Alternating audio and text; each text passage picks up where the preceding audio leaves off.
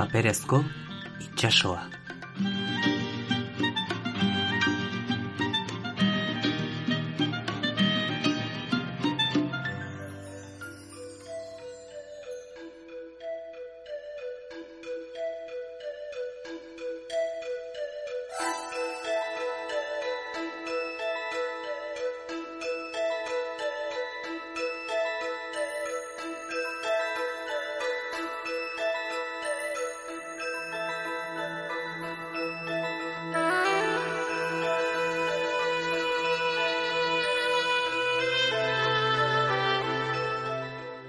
Aurreko programaren batean aipatu genuen bezala, Kristo ondorengo irureun eta larogei garren urtean, Teodosio erromatar enperadoreak kristautasuna ezarri zuen imperioko erligio ofizial bakar gisa, eta templu pagano guztiak istea agindu zuen oro bat.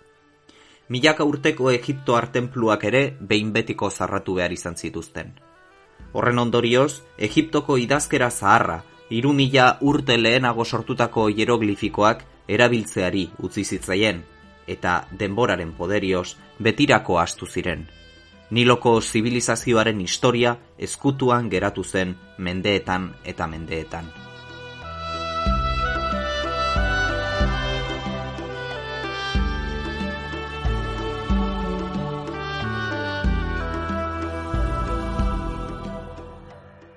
Hala eta guztiz ere, Hieroglifikoak ezagunak ziren. Egipto bisitatuko zukeen edonoren begien bistan zeuden. Templuen ondarretan, harrietan zizelkatuta, paretetan margotuta. Zer esan nahi zuten marrazki antropomorfikoz eta zoomorfoz jositako idazkun bitxi hoiek.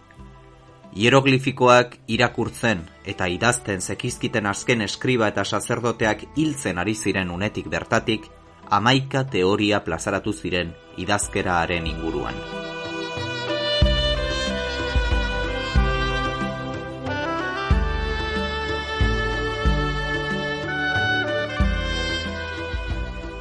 Orapolo, Alexandriako sacerdote paganoa izan zen lehena, Kristo ondorengo bosgarren mendean. Orapolori zordiogu izan ere, hieroglifo berba sortu izana izan ere, hitz hori greziarra da. Hieros, sakratua da, eta glifos berriz, idazkia. Haren esanetan, Egiptoar idazkunak ideogramak ziren. Hots, marrazki bakoitzak ideia bat adierazi nahi zuen. Hortaz, Egiptoarrek egaztiz, begiz eta lumaz osatutako metafora bitxiekin hitz egingo zuten, zeharka, meharka. Arazoaren gakoa metafora hoiek argitzen asetzan beraz. Premisa horretan oinarriturik eta emeretzigarren mendera arte, gaia jorratzen zutenek hainbat teoria celebre kaleratuko zituzten. Zenbait adituk, Egiptoarrak txinatar jatorrikoak zirela adierazi zuten ere.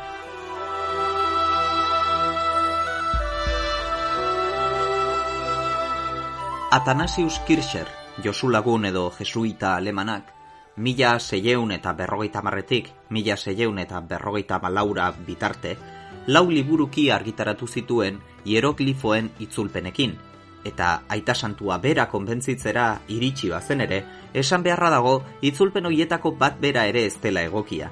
Are gehiago, ezein ez da esan nahi zuzenera gerturatzen. Kircherrek bazuen sorkuntza literariorako doain berezi bat, baina sen zientifikorik ez.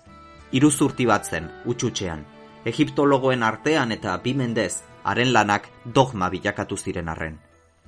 Ari beretik, beste eliz gizon batek, tando dezen Nikolas Abadeak, adirazi zuen ezen hieroglifikoak ez zirela idazkunak, apaingarri utxak baizik.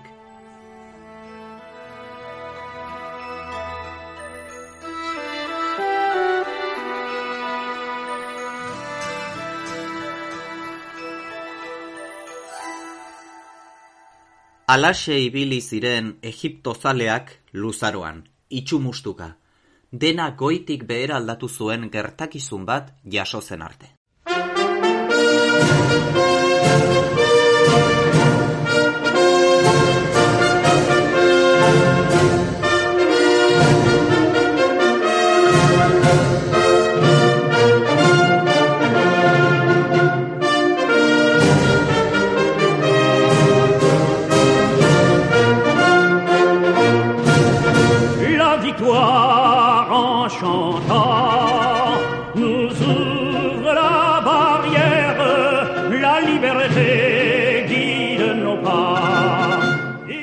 Mila zazpireun eta larogeita emezortzian, iraultza gertatu eta bederatzi urte beranduago, Frantziak Egipto konkistatu nahi izan zuen. Hala, ingelesei indiarainoko bidea mozteko. India baitzen, Britainar kolonia garrantzitsuena, albion zitalaren aberastasun iturri nagusienetako bat. Frantsesek Napoleon Bonaparte, hogeita bederatzi urteko korsikar general gaztea bidali zuten Egipto aldera. Hogeita emesortzi mila gizon, bi mila kainoi eta irureun itxasontzirekin. Bertan, gizeko piramideen ondoan, Murat Bey printzearen agindupeko tropa mamelukoen kontra borrokatu eta garaitu zituzten. Hor bota zuen Napoleonek bere aldarri ezaguna. Soldaduok, piramide horien gailurretik berrogei mende dituzue izuei begira.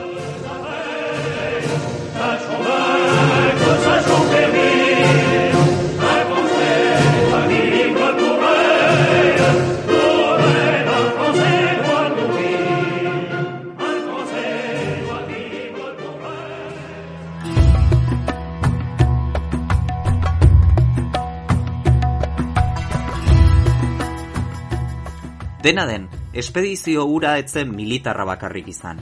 Napoleonekin batera, eunda irurogeita mabos bat zientzialari zioa zen. Historialariak, botanikoak, hizkuntzalariak, geografoak. Nilo ibaiaren aberriaren iragana eta oraina ahalik eta sakonen ikertzeko. Egipto misteriotsuak, enigmaz beteak, Europarren irudimena inarrosi baitzuen aspaldidanik.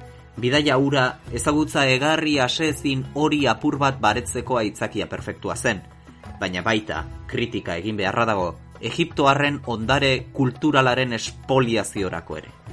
Napoleonen espedizioaz geroztik eta emeretzigarren gizaldi guztian zehar, milaka pieza arkeologiko, zenbait kasutan eraikin osoak ere, ontzietara igo eta Europara eraman zituzten British Museum eta Louvre bezalakoak betetzeko.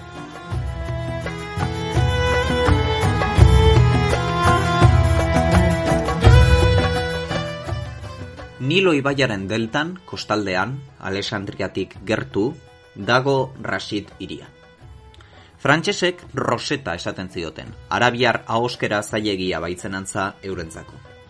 Bertan, Fort Julien izeneko gotorlekua eraikitzen ari zirela, frantses soldadu batek zera aurkitu zuen lurrazpian. Basaltozko harri beltz bat, idazkera bitxi, txiki eta txuriz betea. Rosetako harria. Bertan, testu berbera hiru idazkera ezberdinetan zegoen izkiriatuta. Goian, hieroglifikoz, erdian, demotikos, hau da, Egiptoarrek erabiltzen zuten estilo sumeago batean, gure letra etzanaren antzekoa. Eta bean, eta hemen dago honen guztiaren koska, grezieraz. Izatez, testua Kristo aurreko eunda larogeita masigarren urtekoa zen, Ptolomeo bosgarrena erregaren garaikoa. Hau da, Egiptok errege greziarrak Alessandro handiaren oinordekoak zituen garaikoa. Hemezortzigarren mendeko hizkuntzalariek Greziera zaharra ulertzen zutenez, aukerarik zegokeen hizkuntza horretatik abiatuta, antzinako Egiptoera eta testu hieroglifikoa argitzeko. Teorian behintzen. Alabaina, eta urrengo hiru hamarkadatan Europako dozenaka eta dozenaka hizkuntzalari erudituk muina kurtu bazituzten ere, hoietako inork ez zuen lortu. Herriko mutilko eskor bat etorri behar izan zen hoiek laguntzera.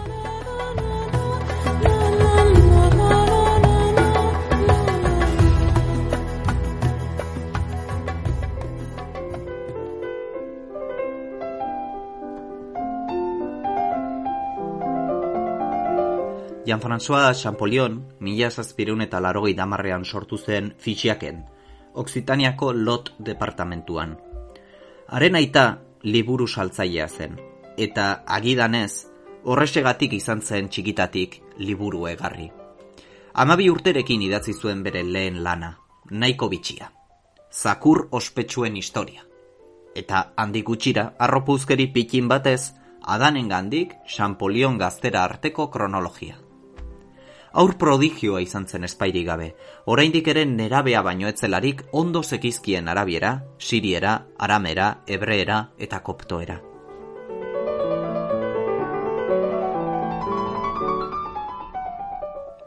Amar urterekin, Grenoblera joan behar izan zen anaiarekin bizitzera. Eta han, Alpe Magalean Jean-Baptiste Josep Fourier ezagutu zuen, izer departamentuko prefeta izendatu herria. Furierrek Napoleonen Egiptoko espedizioan parte hartu zuen eta bidaiaren inguruko liburu baten argitalpenean zebilen lanean buru belarri. Prefetaren etxea Egiptoara antzinatekoz eta idazki irakurte zinez lepo zegoen eta Champollion gaztea liluraturik geratu zen haiekin guztiekin. Champolionek hieroglifoak argitzeko determinazio sendo hartu eta txinera ere ikasten hasi zen, faraoien hizkuntzarekin izan zezakeen lotura argitze aldera. Amazazpi urterekin, Egiptoko lehen mapa historikoa egiten hasi zen, Biblia eta arabierazko, hebreerazko eta koptoerazko testuak erabilita. Emeretzi urterekin, Grenobleko Unibertsitateko irakasle izendatu zuten, eta haren ikaskide oiei klase ematera llegatu zen.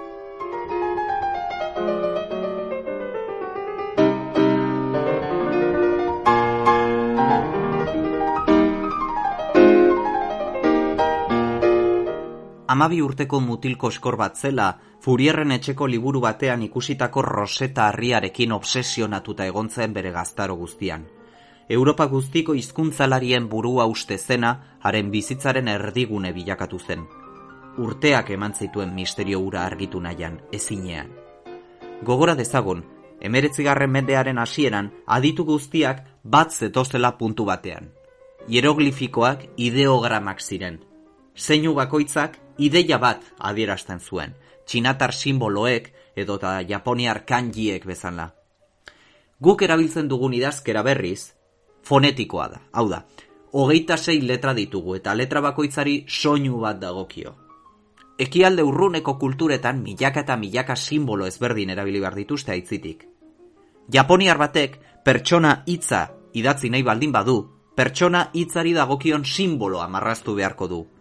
Guk aldiz, pertsona hitzari dagozkion zeinu fonetikoak idatziko ditugu. P, E, R, T, S, O, N, A. Pertsona.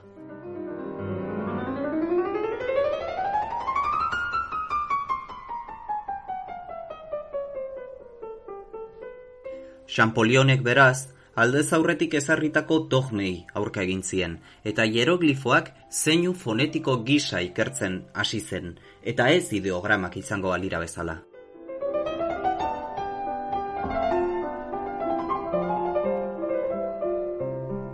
Rosetako harrian, Greziar testuan, hainbat aldiz aipatzen da Ptolomeo bosgarrena Epifanes, garai hartako faraoi Greziarra. Testu hieroglifikoan berriz, Ptolomeoren izena egon beharko luken puntuan, zeinu batzuk ageri dira biribil batek inguraturik. Karratu bat, zirkulu erdi bat, soka bat, lehoi bat.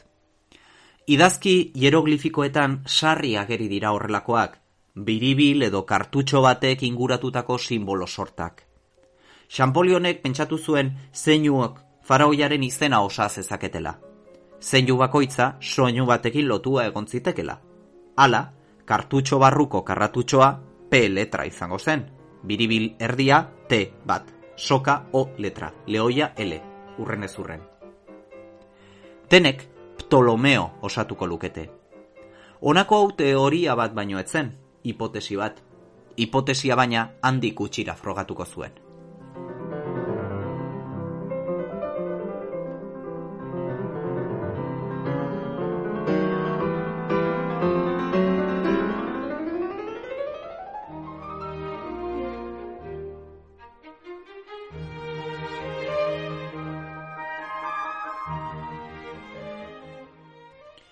Mila sortzirun eta mabostean, William John Banks Britaniarrak fileko obelisko aurkitu zuen.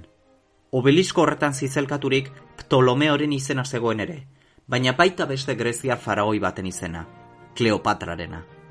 Champolionek Ptolomeo eta Kleopatraren izenen kartutxoak erkatu zituen, eta era horretan ikusi izan zuen ezen Kleopatra izenaren O letra zegoen lekuan, Ptolomeorenean bezala bazela soka bat L letran lehoi bat, eta abar. Beraz, O letra soka izango zen, L letra lehoi bat, urren ez urren. Hieroglifikoek logika fonetikoa zeukaten hortaz. Era horretan, eta pixkanaka lan handia eginez, antzinako Egiptoeraren oinordeko den kopto hizkuntza baliaturik, hogei tamabi urte zituela eta rosetako harria ikertzen ia bizitza guztia zeramala, Champolionek hieroglifikoak dezifratu izan zituen. Parisen bizi zen, pisu batean, haren anaiarekin batera. Antza denez, aurkikuntza ura egitean, anaiaren gana jo zuen oiuka eta bertan seko geratu zen konortea galduta.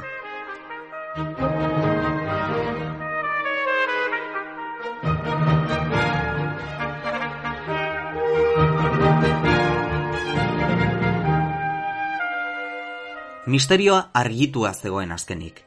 Irumila urteko kondaira irakurtzeko prest zegoen, luzaroan zain egon ondoren. Champollion iztegi bat ontzen hasi zen berehala, Gamer Egiptien, baina ez zuen argitaraturik ikusiko, kaleratu baino harinago hil baitzen.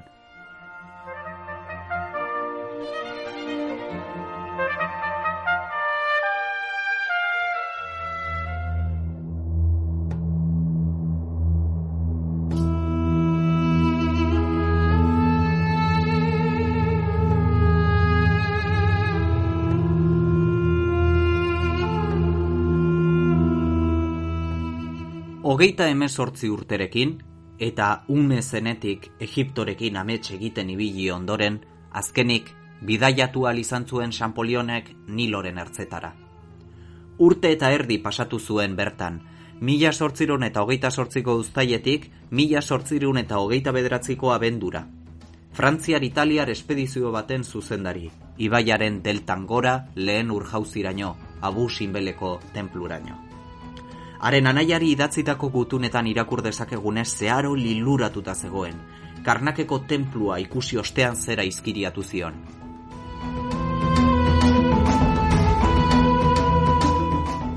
Hemen, faraoien arrandia guztia gertu zait, gizakiek inoiz irudikatu eta burututako gauzarik handiena, Europan liliputiarrak baino ezkara eta ezein herrik, antzinakorik ez modernorik, ez du arkitekturaren artea horren neurri bikainean ulertu.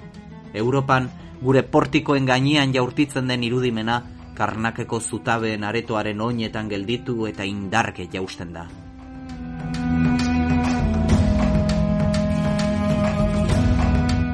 Zenbaterainokoa izan zen Champollionen unkidura, tenpluetako paretetan izkiriatuak irakurtzitzakela ikusi zuenean.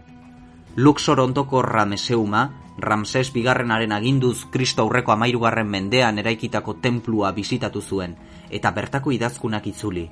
Jainko jainkosek doainak eskaintzen dizkiote Ramsesi tenpluaren esker honez. Zure eraikina zerua bezain iraunkorra izatea eskaini dizut. Egun asko eman dizkizut Egipto gobernatzeko, eskualde guztien gaineko aginpidea eman dizut. Nik eman dizkizut egoaldea eta iparraldea, ekialdea eta mendebaldea. Bizitza luzea eman dizut mundua gobernatzeko, zure jauregiak betiko irautea nahi dut.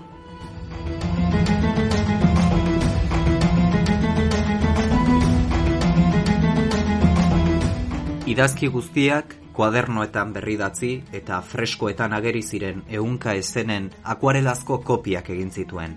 Faraoien lehen kronologia bat ontzeari ekin zion, eraikinen datak finkatzeari. Prakak betelan ibili zen, kasi katxeden hartu gabe, gau eta egun, erabata ituta bere osasunaren kaltetan.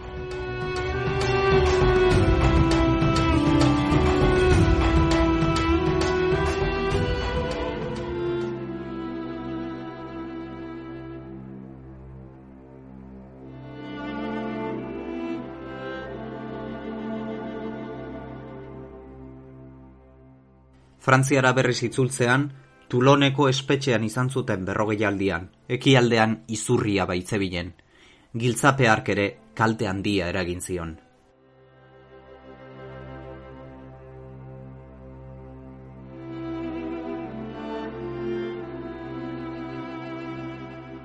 Espedizio amaitu eta hiru urtera hiltzen. Berrogeita bat urte eskas zituela. Eta Collège de Francesko irakasle izendatu berritan. Denetarik zeukan gizajoak. Diabetesa, tisia, gota, giltzurrunetako eta gibeleko gaitza, bihotzekoak jota zendu zen. Batek taki, zer nolako karrera distiratsua izango zuken beste hogei urtez bizi izan balitz. Arkeologiak inoiz ezin izango du arekiko zorra kitatu.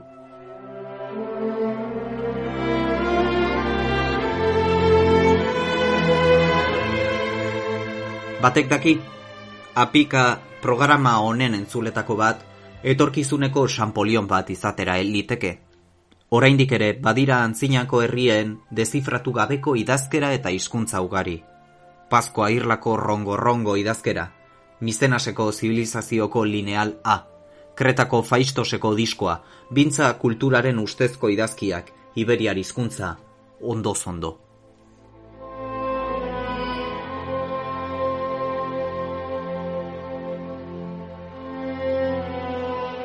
Oraingoz, nahikoa. Aste batzuen ostean bueltatuko naiz berrirore. Orain oporretan noa, atxedena behar duteta.